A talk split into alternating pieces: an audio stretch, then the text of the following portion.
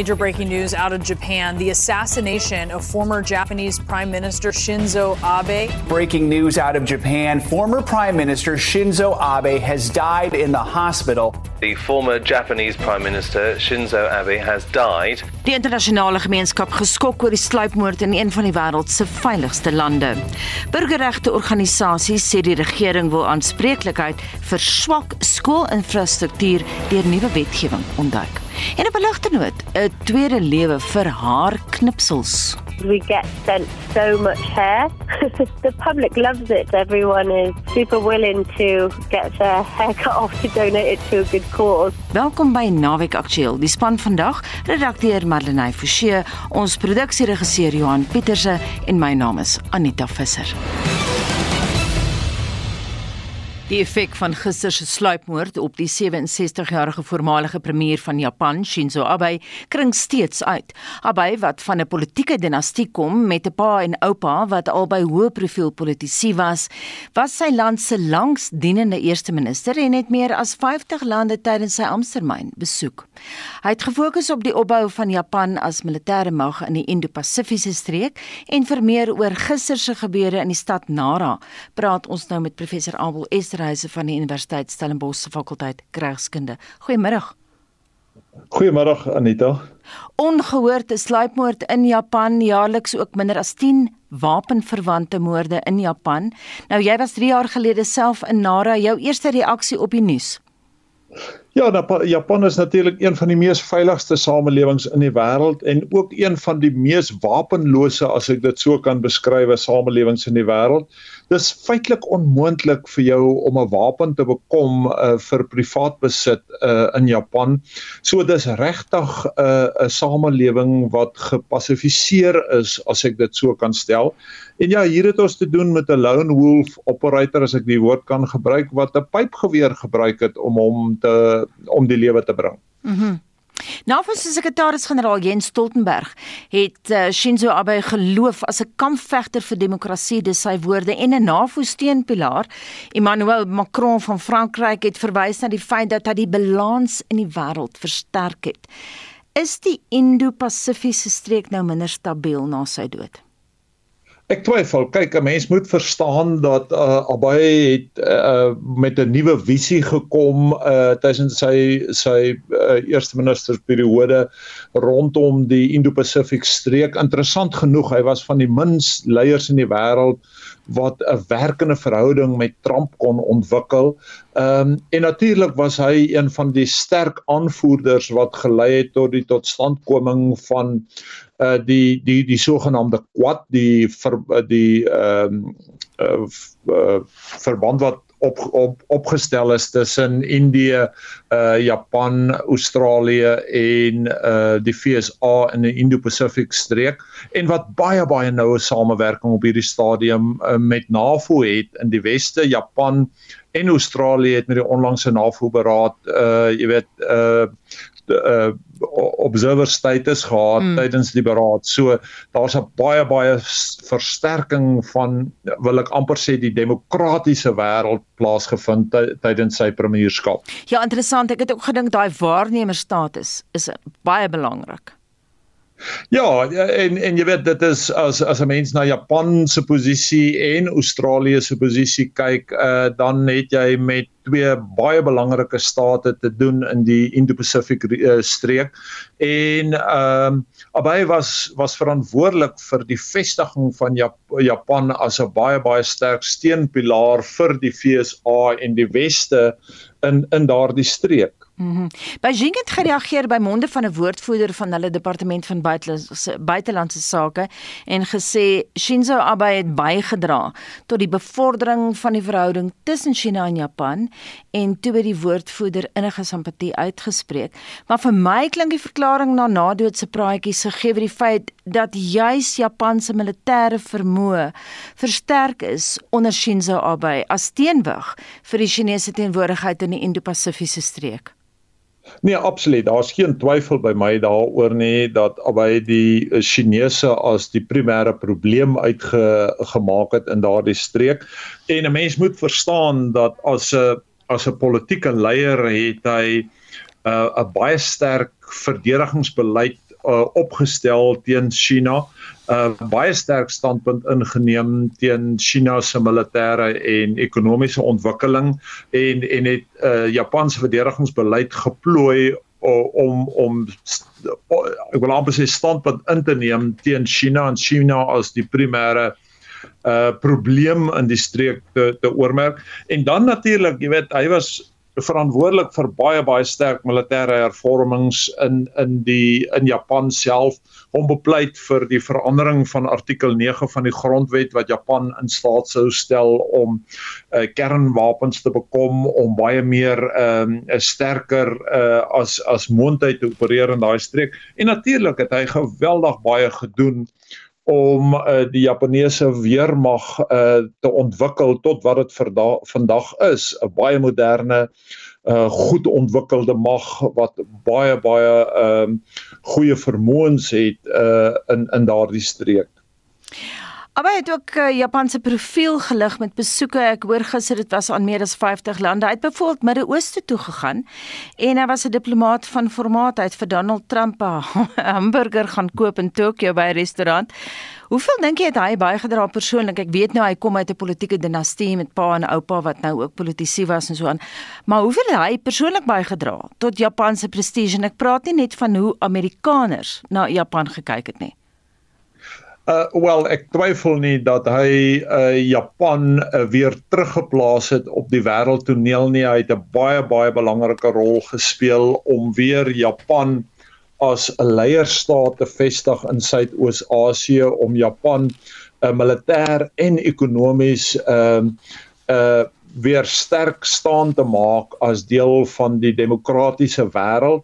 Ehm um, en ja, hy het uh, hy word gesien vandag en dit sal waarskynlik deel van sy sy nalatenskap wees uh die wyse waarop hy ehm um, sy buitelandse sake en Japan se buitelandse sake ontwikkel het in die periode wat hy as premier gedien het.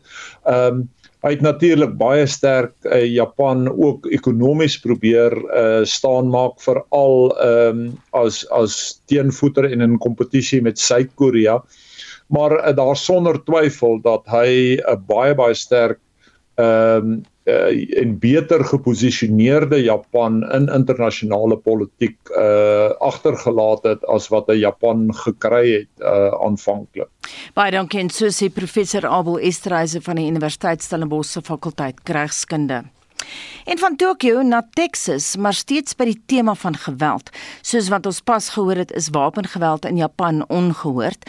Nou in teenstelling daarmee was daar van die jaar elke week 'n skietery in een of ander streek in die VSA.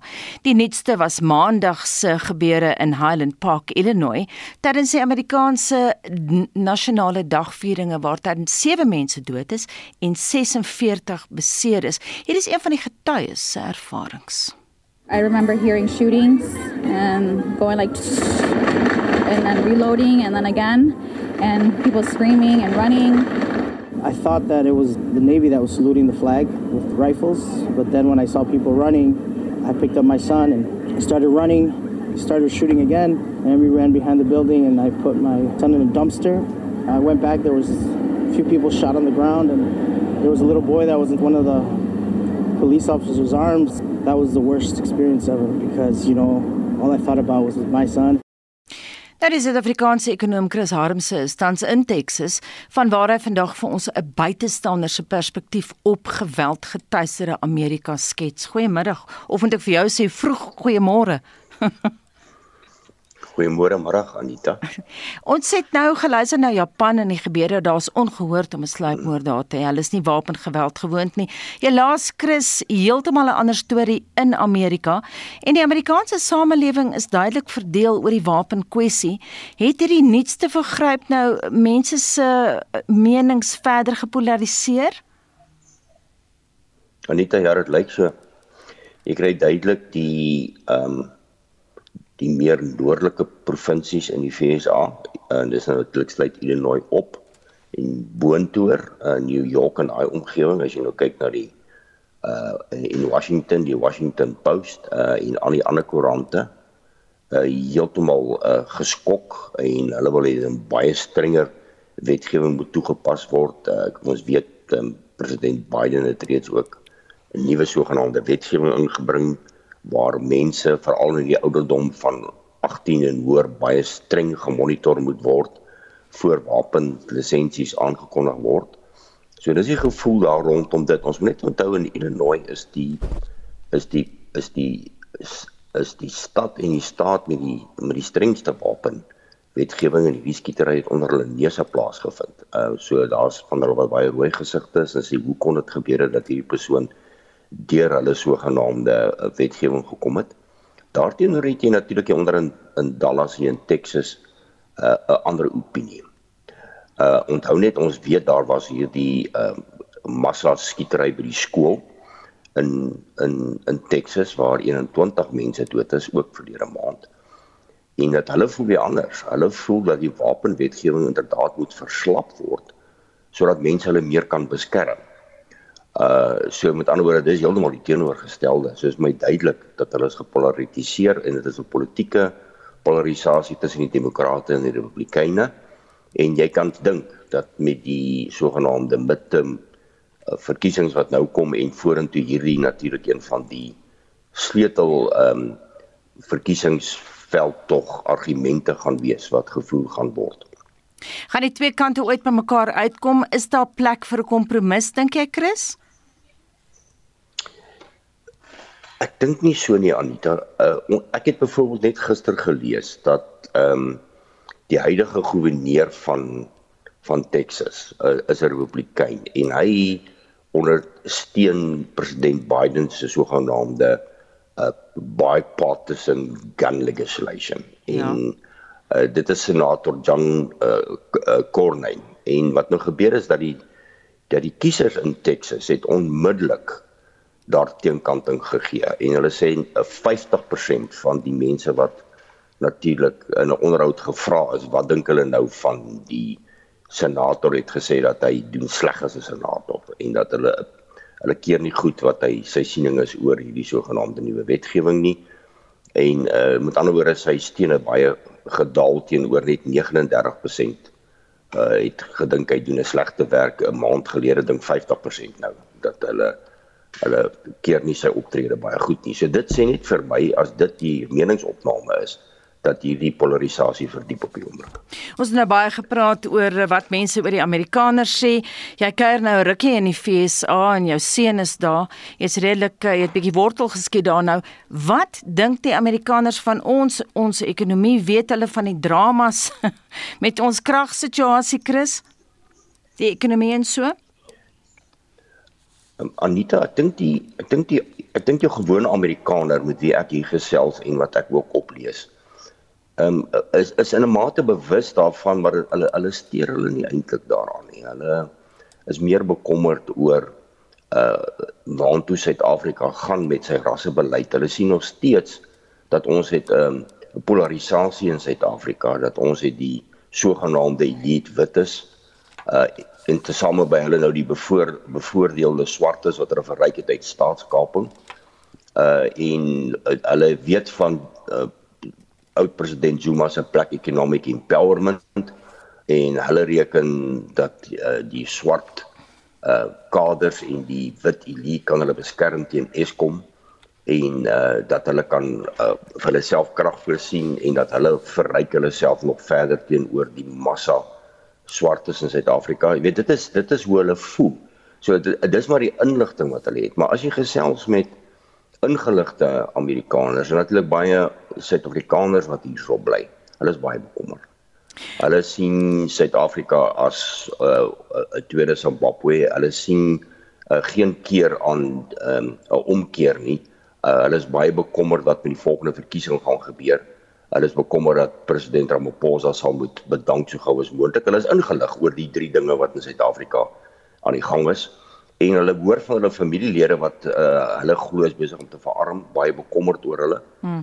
Um en die gewone uh, ander Amerikaners wat ek hiermee gesels en wat ek net bietjie in die pers lees, uh vir hulle is is is is Eskom um 'n ding wat hulle nie verstaan nie. Hulle kan nie verstaan waarom daar 'n uh, beerkrag is nie. Hulle verstaan nie die beginsel nie.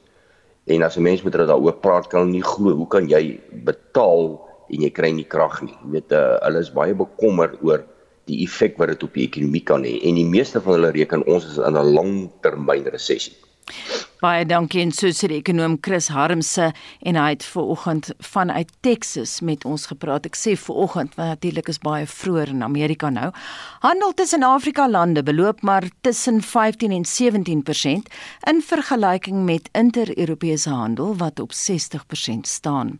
Professor Wilma Wewe is 'n deskundige op die gebied en verteenwoordig ook die Wêreldhandelsorganisasie by wyse van 'n leerstoel aan Noordwes Universiteit. Dit is een van slegs 33 soortgelyke posisies ter wêreld.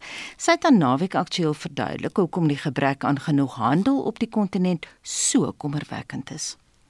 Dit is werklik waar 'n bekommernis en dit is ook een van die redes hoekom die African Continental Free Trade Area gestig is, juis met die bedoeling om dit vir besighede makliker te maak om in Afrika met mekaar handel te dryf. Hoekom is handel tussen Afrika lande so swak? Daar is net groot beperkings in Afrika. 30% van Afrika se bevolking is in sogenaamde landlocked of landgeslote lande wat dit baie moeilik maak om met mekaar handel te dryf want die infrastruktuur is nie daar nie. Soveel so dat die armoede in Afrika 47 miljoen addisionele mense in ekstreme armoede geplaas het. Nou ekstreme armoede is ongeveer amper 2 dollar per dag, 1.9 dollar per dag. So ons is afhanklik van eksterne markte vir basiese landbouprodukte. Mm -hmm. En die oorlog met ons afhanklikheid van die Oekraïne vir voedsel en ons afhanklikheid van kunsmis is maar net verder beklemtoon. Daar's baie voorbeelde van hoe uitvoerders net nie hulle produkte in die buitewêreld kon kry nie omdat die infrastruktuur en die sogenaamde supply chains in duie gestort het met die oorlog. Wilma, hoe gaan die sogenaamde African Continental Free Trade Area ooreenkoms dinge nou verander? Die bedoeling van hierdie ooreenkoms is om 'n enkel mark in Afrika te skep, baie soos die EU, waar daar baie min tariewe op ingevoerde produkte sal wees. Daar word gepoog om 90% van die produklyne, die 5000 produklyne, geen tariewe te hê nie. En wanneer sal dit prakties gestel te kry? Ons hoop dat dit binnekort sal gebeur. Die ooreenkoms is dus eintlik al in werking. 43 van die 54 lande het al die ooreenkoms onderteken, maar die implementering op die grond moet nog plaasvind, so dan moet nog nasionale douane, wil ek sê, strukture in plek gestel word om hierdie verlaagde tariewe te kan in werking stel. En hoeveel van 'n hupstoot sal hierdie ooreenkoms Afrika se ekonomie gee? Ek praat van Afrika as 'n kontinent. Dit het verseker 'n baie groot voordeel. Dit sal 'n hupstoot gee dat die lande met mekaar beter kan handel dryf en dit is ook wat ons navorsing aantoon dat die handel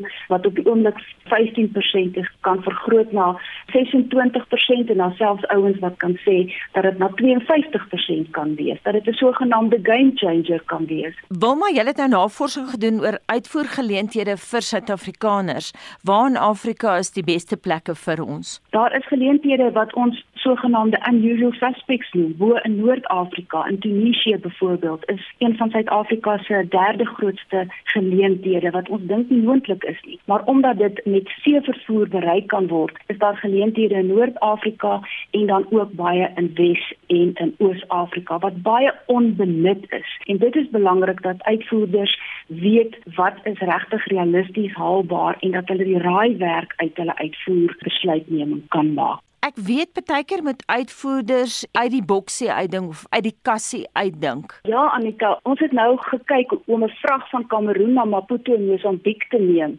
Dink 'n mens dat daardie roete direk oor Afrika van Kameroen na Maputo kan gaan, maar daardie vrag moet 21000 km aan die weste kant van Afrika oorgaan. Dit moet herverpak word binne in Italië deur die Suezkanaal kom om tot in Maputo te kom. As jy dit vergelyk met daai selfde besending na Australië toe, is dit 22000 km. So dis baie dieselfde. So relatiewe koste is nie gelyk aan afstand nie. En dit is wat uitvoerders baie keer nie verstaan nie. En as 'n mens dan nou kyk na 'n werklike situasie, 'n Weskaapse uitvoerder voer appels uit na die Oekraïne Die vragte is versend van Durban hawe af en dit het nooit in Rusland uitgekom nie want dit het in Europa beland met die oorlog wat plaasgevind het. In Europa wou nie die appels by die uitvoerder koop nie want al die sakkies is in Russies geskryf, die inskrywings op die sakkies en op die ou einde het die uitvoerder maar die appels vir die Oekraïne geskenk en jy kan net dink wat se verliese dit behels het.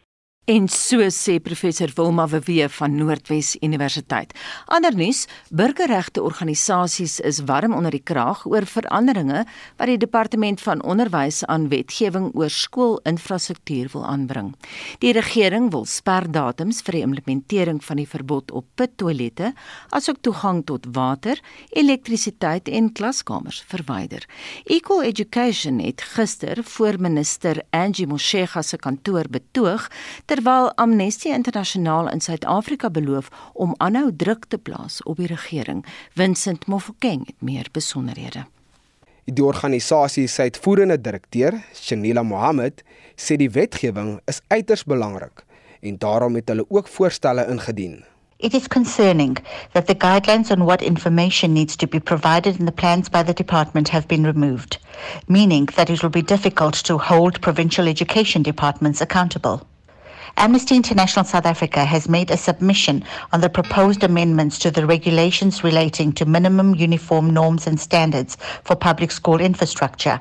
The observations and recommendations we made are based on South Africa's obligations under both national and international human rights law and standards, including the South African Constitution and the International Covenant on Economic, Social and Cultural Rights. Sy sê pittoilette skend nie net die reg op sanitasie wat in die grondwet vervat word nie, maar ook die reg op gesondheid en onderwys. One of the key components of a good quality education as outlined by the United Nations Children's Fund is a healthy, hygienic, and safe learning environment with adequate water and sanitation facilities. This is not the case in all South African schools. The Department of Basic Education has been repeatedly moving the deadline when it comes to eradicating pit toilets and ensuring that all schools have a proper and safe sanitation facility, and in doing so, continuing to fail learners. These illegal pit toilets are not only violating the right to sanitation, which is enshrined in the Constitution, but also the right to health, education, dignity, privacy, whilst in some cases posing a serious risk to the right to life. Intussen het die burgerregteorganisasie Equal Education gister by die departement van basiese onderwys in Pretoria betoog.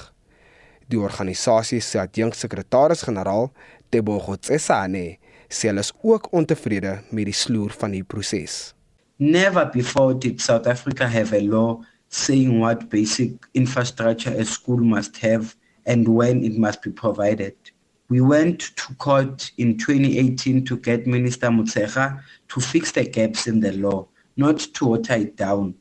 The scariest change that Minister Mutsecha wants to make to the school infrastructure law is to scrap the deadlines that put the responsibility on government to get rid of pit latrines and provide basics such as water, electricity, classrooms, libraries by specific dates.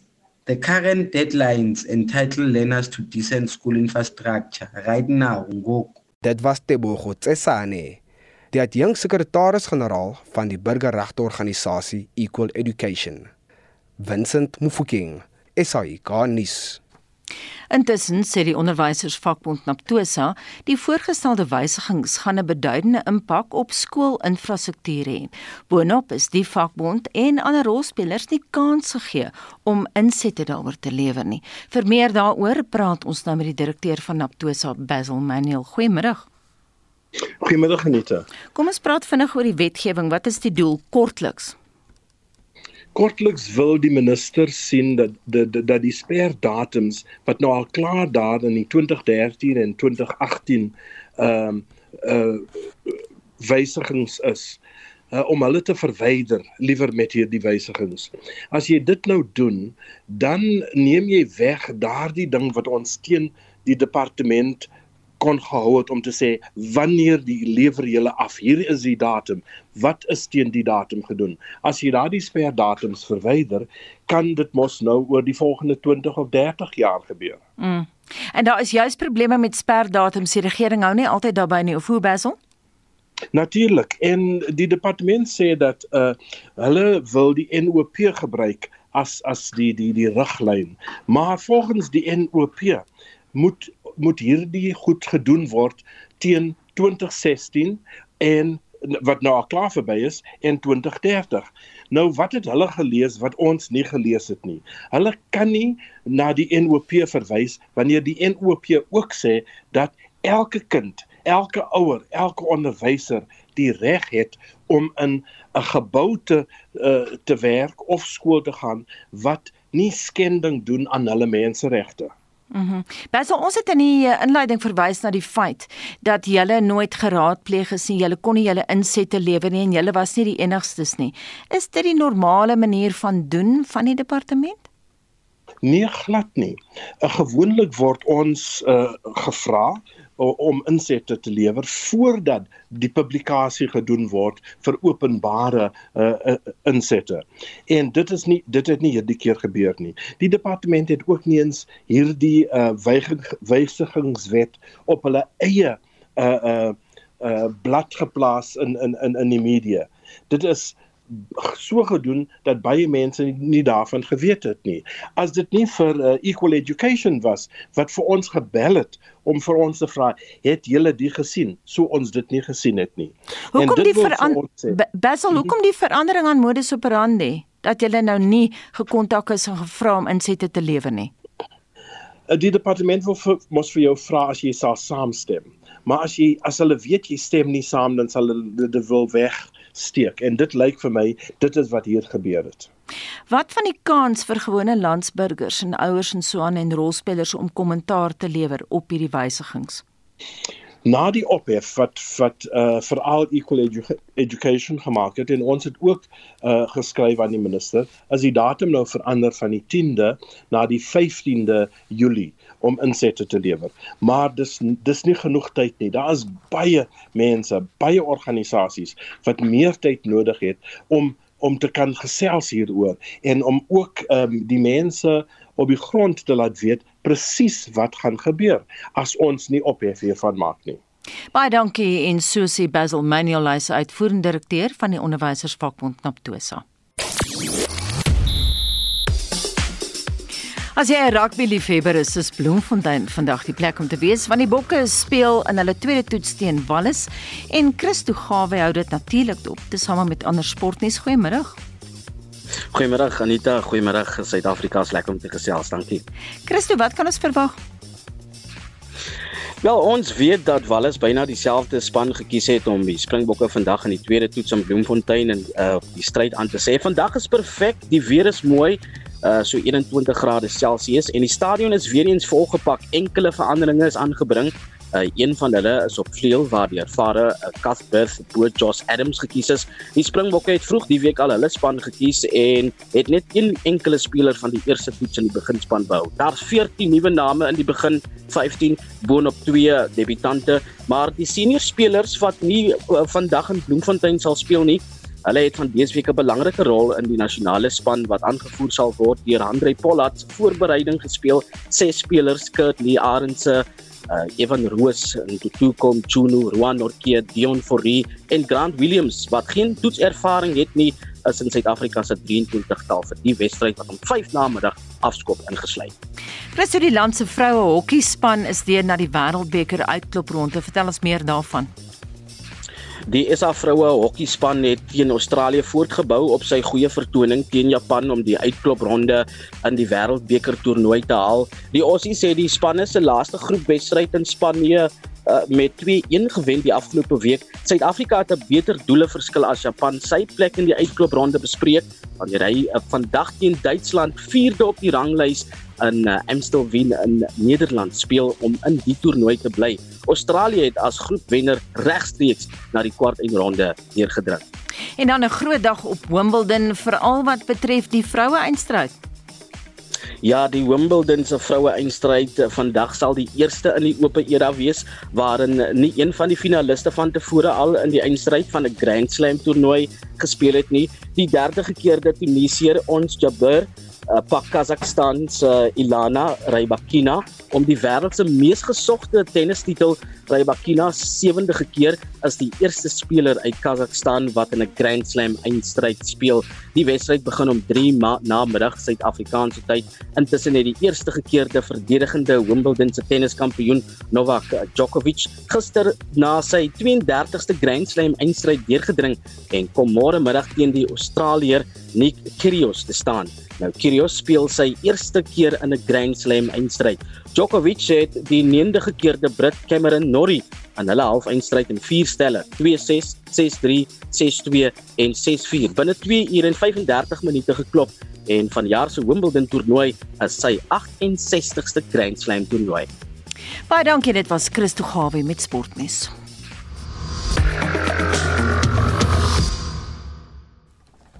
Dis nou 12:38 baie welkom by Naweek Aktueel in ons weeklikse motorrubriek toets Wesel Pretoria se Mahindra.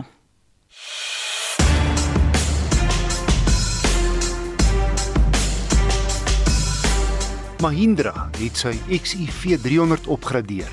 Hy het 'n bonkige voorkoms, breër as jou Ford EcoSport en ander mededingers, maar korter. Sy lengte is beperk tot 3000 995 mm om by Indië se gunstige 4 meter regulasies in te pas. Met 'n hoë heuplyn, fris skouers, 17 duim diamant snit alloy wiele, LED ligte voor en agter en silwer skuurplate en dakreëlings. Ek het die top turbo diesel model gery, die W8. Jy kry 'n kleur raakskerm met navigasie en 'n tribeeld as ook leerbekleedsel, dubbelsone klimaatbeheer, togbeheer, outomatiese deur oop en toesluiting, aan en afskakeling, reënveers en ligte. Alles werk outomaties. En 'n sondak. Al negatiewe is gegee sy stomp stert 'n klein bagasiebak. 'n Sinvolle verbetering is die kleur van die leersitplekke. Voorheen spierwit wat goue merk wys. Nou genadiglik in swart. Die XUV300 se 86 kW 1.5 turbo diesel trek sterker as sy mededingers danksy 'n royale 300 Nm wrinkrag wat verbysteek 'n moeitelose ervaring maak. Verbruik op my gekombineerde roete was 'n baie goeie 5,8 liter per 100 km. Verder spog die W8 met 7 ligsakke, stabiliteitsbeheer, heuwel wegtrekhulp en die banddruk word gemonitor. En dan het hy ook drie sensors en parkeersensors voor.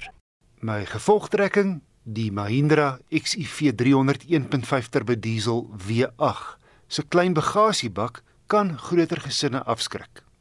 Maar positief is is sy wrinkragtige masjien, baie suiwige verbruik en goeie toerusting vlakke teen R337 000.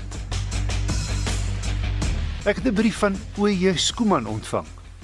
Hy vra raad oor 'n battery vir sy Suzuki Desire en gee 'n tabel met inligting oor 5 batterye wat pas. Hy vra watter een is geskik en waarna moet ek oplet? Ek het sy brief voorgelê aan Nicolou, 'n tegniese konsultant en die besigheidsontwikkelingsbestuurder by SVU Gepantserde Voertuie.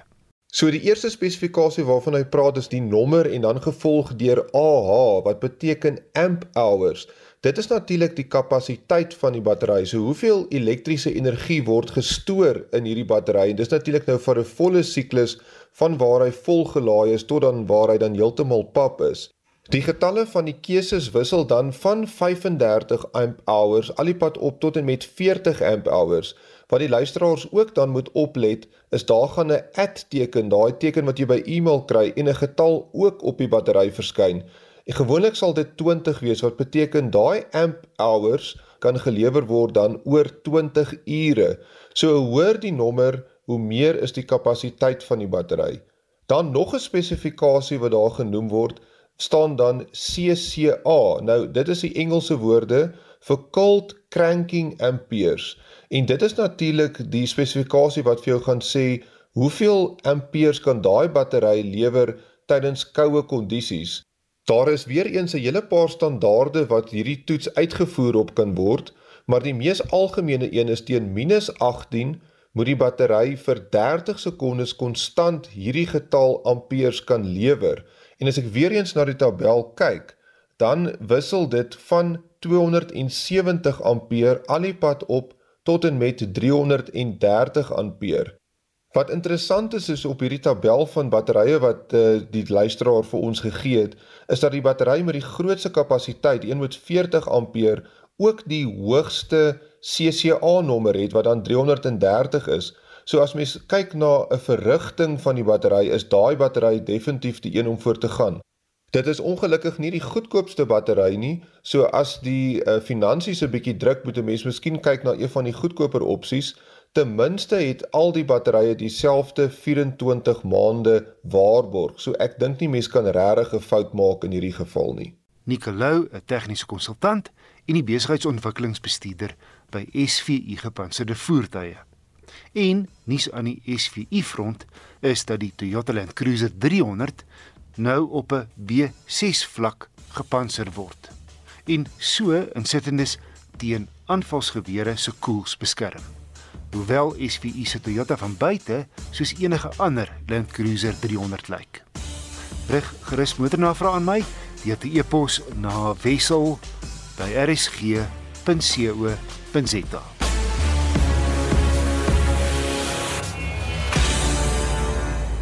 En dit was Wessel Pretorius met ons weeklikse motorrubriek. Jy luister na Naweek Aktueel elke Saterdagmiddag tussen 12 en 1. KwaZulu-Natal is besig om uit die as te verhuis. Dit was die boodskap van premier Zihle Zikalala tydens sy bestekopname van die impak van die Julie onluste in KZN en Gauteng verlede jaar. Hy het die media toegespreek oor die vordering wat gemaak word met die heropbouproses. Die onluste het die nasionale ekonomie sowat 50 miljard rand gekos weens skade aan ondernemings en die ontwrigting van die logistieke slagaar tussen Durban en Johannesburg. Dries Liebenberg het meer. Na besoeke aan verskeie Durbanse winkelsentrums wat onder die onrus deurgeloop het, het Zikalala 'n gedetailleerde opsomming gegee van die impak wat die onrus gehad het. Hy sê 15.2 miljard rand se versekeringseise in die provinsie is uitbetaal. Daar is steeds uitstaande eise. Zikalala sê 'n peiling toon dat meeste van die klein sakeondernemings wat deurgeloop het, heropen het. Die premier sê 'n noemenswaardige persentasie van groot ondernemings doen ook weer sake. At the same time, a number of big businesses including mega malls such as Etindale Mall in Pietermaritzburg, Bridge City Mall in KwaMashu, Springfield Value Center are still under construction. Bridge City is targeted to open in March 2023. Zikalala sê die herstelpad was nie sonder slaggate nie. Hy sê uitdagings sluit in bureaukratiese rompslomp en sakeforums wat groot projekte tot stilstand dwing. Some of these include business forums which causes major delays in pro in projects that are implemented. We are working hard with social partners to fight this issue of business forums that demands work, but we are also working to ensure that localization take place. We applaud police who continues to work hard to arrest those who are behind disruptions of projects. Die hoofbeampte van die Durbanse Kamer van Koophandel en Nywerheid, Palesa Pili, sê daar kan nie weggeskram word van die feit dat die provinsie se reputasie as 'n beleggingsbestemming skade gelei het nie. Billy sê sommige ondernemings het besluit om nie te heropen nie. The worst part is the reputational damage of ensuring that the businesses trust that the investment is safe in the province, but also to get investors to come and invest in the province has been an uphill battle for us as the business community from KwaZulu-Natal, given what happened with the unrest. 'n Pastoor van KwaMashu, Studuzu Madlala, sê die armoede en swaar kry wat tot grootskeepse plundering bygedra het, is steeds 'n werklikheid. Vir sommige het dit selfs vererger. Twee eienaars van klein ondernemings in die KwaGina omgewing by Umlazi, Balungile Ngobo en Tandiwe Chiliza, sê hulle sukkel na die onrus om hulle kinders op skool te hou. The unrest really affected us badly because now we can't do the things we used to do. We can only get enough to buy food. We can't play Stockfells. We're just hanging in there. There's no other solution but to reopen the store so we can be able to make a living because right now we can't do anything. We have kids who go to school and others have dropped out because we can no longer give them money for transport. So we decided for them to drop out until the shop reopens. By 'n voorligtingsessie deur ministers belas met justisie en sekuriteit is aangekondig dat die polisie se openbare orde polisieeringseenheid hierdie boekjaar 'n bykomende 4000 lede gaan kry. Dit strook met een van die aanbevelings van 'n paneel kundiges wat die regering se hantering van die onrus ondersoek het. Ek is Dries Liebenberg in Durban. Die 21 slagoffers van die Enyobeni Taverne tragedie in die Oos-Kaap is die afgelope week begrawe. Intussen toon navorsing deur die Soul City Instituut en Strive Consortium dat tavernes en drankwinkels in Gauteng nou die volgende probleem kan word omdat alkohol aan kinders onder 18 verkoop word. Esie de Klerk het meer. Die gebruik van sigarette en alkohol is hoe verslawing begin, sê Hela Letwaba, die stigter en direkteur van Vuka Skoka, die Jermaine Lungile Stichting, wat 'n jeugorganisasie is vir die bekamping van dwelmmisbruik. Children are exposed to drunk adults and behaviors on a daily basis in our communities, and they're expected to accept this behavior as normal. And so we can say that alcohol abuse has become normalized and an accepted behavior in our communities. Sy sê dit is hoekom kinders dink dit is normale gedrag. School children who have nearly zero extracurricular activities and sports and clubs that they can be a part of are obviously then bound to be abusing alcohol from a very young age for entertainment especially with its proximity to their schools in the taverns that we find located very near most schools.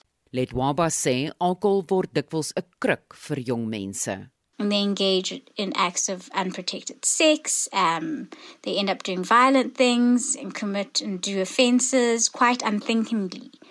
Again, the issue of teenage pregnancy, acts of violence, and having no memory recollection at all dependency. And what I find the scariest are the mental health illnesses that are a consequence of alcohol abuse. And these are often like extreme depression and anxiety disorders. Lucky Ntamane van die Nasionale Drankhandelaarsvereniging sê die problematiese ondernemings is ongelisensieerde shebeens in townships. The duty to issue a liquor license lies squarely with the competent liquor authority, which has a right to refuse a liquor license application based on certain conditions, which will include but not limited to proximity to schools and churches. Liquor boards are the competent authority tasked with enforcing license regulations, working in conjunction with SEPs. Any non compliance taking place at a tavern can be dealt with by the liquor board upon receiving a complaint from a member of society or community. Dit was Lucky Ntamani van die Nasionale Drankhandelaarsvereniging. Die verslag is saamgestel deur Paul Magubani. Ek is Estie de Klerk vir SAK nuus. Byna 3 miljard liter olie word jaarliks in die oseaan gestort. Dit het die Wallis haarkapper Adele Williams genoop om 'n praktiese plan te beraam om die see te suiwer. En daardie plan behels die gebruik van menslike haarmatte. I've been manufacturing these mats and perfecting the mats so they're the most absorbent.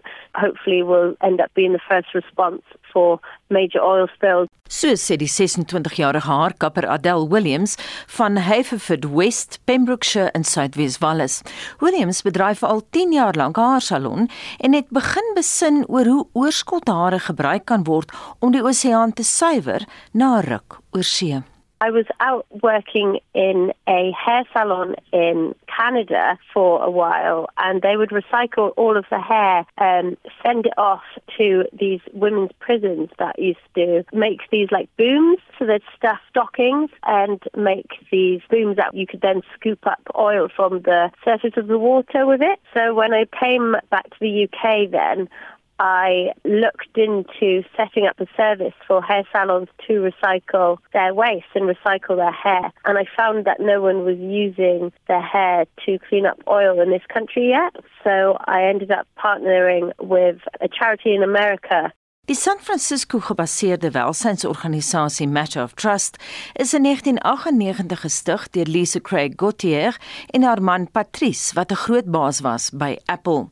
Een van Matter of Trust se fokuspunte is 'n skoon omgewing wat gelei het tot die skepping van 'n spesiale masjien wat help om verskillende lengtes hare saam te weef om olie te absorbeer.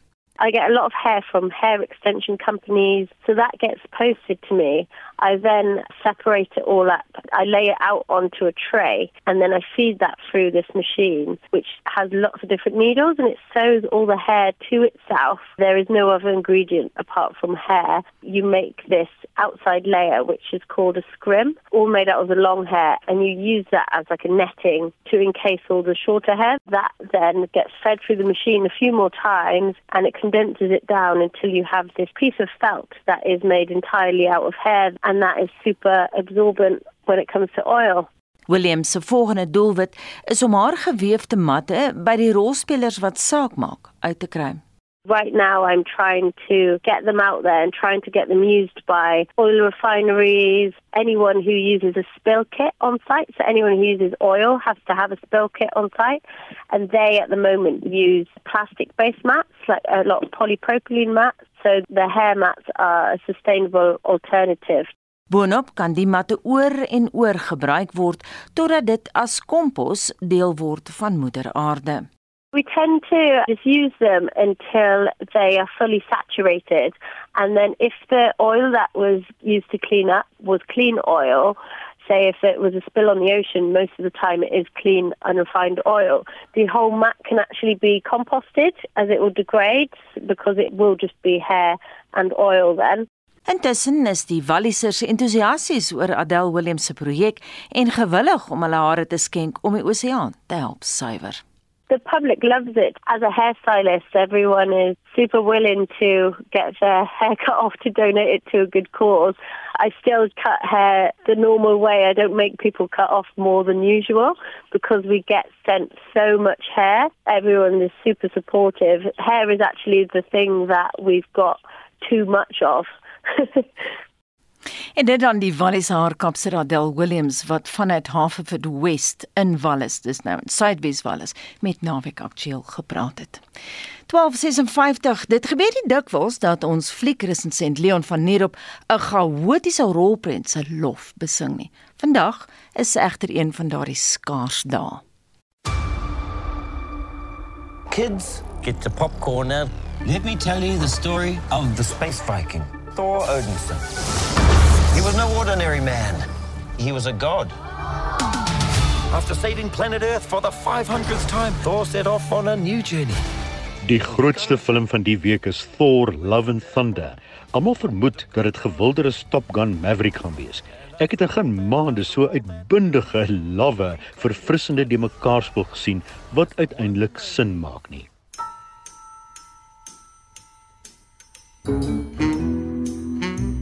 Thor wil deesdae 'n mens wees, nie meer 'n god nie. Sonder sy hamer en met net 'n byl is hy ook nie dieselfde nie. Die regisseur Taika Waititi se humorsin sal jou kat swink slaan. Die regisseur van Jojo Rabbit werp jou in elke toneel in 'n ander wêreld, dan in 'n paradyslike planeet wat hulde bring aan Thor, dan in 'n arena waar 'n potsuurlike Zeus die septer swaai, dan 'n doodsplaneet waar die gruwelskurk Gore heers en dan 'n ruimtereis wat jou sal bedwelm. Alles klink dalk of dit slegs vir kinders en strokies verhaal verslaafdes is. Dis nie waar nie. As 'n fliek sulke afregse humor bevat, soveel groter is die lewe self karakters bevat en Thor met homself en sy magtige arms wat spot, verdien dit om gesien te word. Dit akkommodeer veral volwassenes, maar moet op 'n groot doek of IMAX of 4DX ervaar word of sien ekstrem teaters. Hierdie bil wat homself so opstuur en sulke heerlike dialoog het met 'n reënboog vermaaklike tonele, is die beste medisyne teen bedruktheid. 9 uit 10. Thor: Love and Thunder. Dan open Good Luck to You, Liu Grand. Luister baie fyn voordat jy gaan kyk. 'n Intelligente en gesofistikeerde middeljarige vrou, Emma Thompson, se man sterf. Haar huwelik was vervelig en sonder 'n bevrediging. Wanneer sy in 'n hotel beland, huur sy 'n katelknaap. Hy moet haar als wys waaroor sy net gedroom het. Die gesofistikeerde prostituut daag dan op, charmant gespeel deur Daryl McCormack, maar die vrou is te selfbewus om te eksperimenteer, ook te bang. Dit neem verskeie besoeke, gesprekke en filosofering voordat sy finaal besluit, maar selfs dan wonder sy nog. Good luck to you Liu Grand is nie smerig of aanstootlik nie, want dit gaan oor die wyse waarop 'n katelknaap en 'n kliënt toegewings moet maak asook al gesprekke met mekaar wat die knoop van begrip deurhak. Daarom word dit aanbeveel, ook vanweë Emma Thompson se uitsonderlike spel. Die beperking is niemand onder 16 as gevolg van seks, taal en naaktonele. Slegs in fliekteaters. Aanbeveel as jy oopkop fliek en nie bang is om kansse te wag nie. Onthou, 80% van die fliek bestaan uit 'n gesprek in 'n hotelkamer. Good luck to you, Liu Grand. 8 by 10 nou in teaters. En ons eindig daar met uh, raad van ons hooffliekvloei Leon van hier op. daarmee roep ons halt. Namens ons uitvoerende regisseur Nicoline de Wee. Die vrou in die warm stoel vandag was Madeleine Forsie en ons produksieregisseur Johan Pieterse. My naam is Anita Visser. Geniet jou naweek.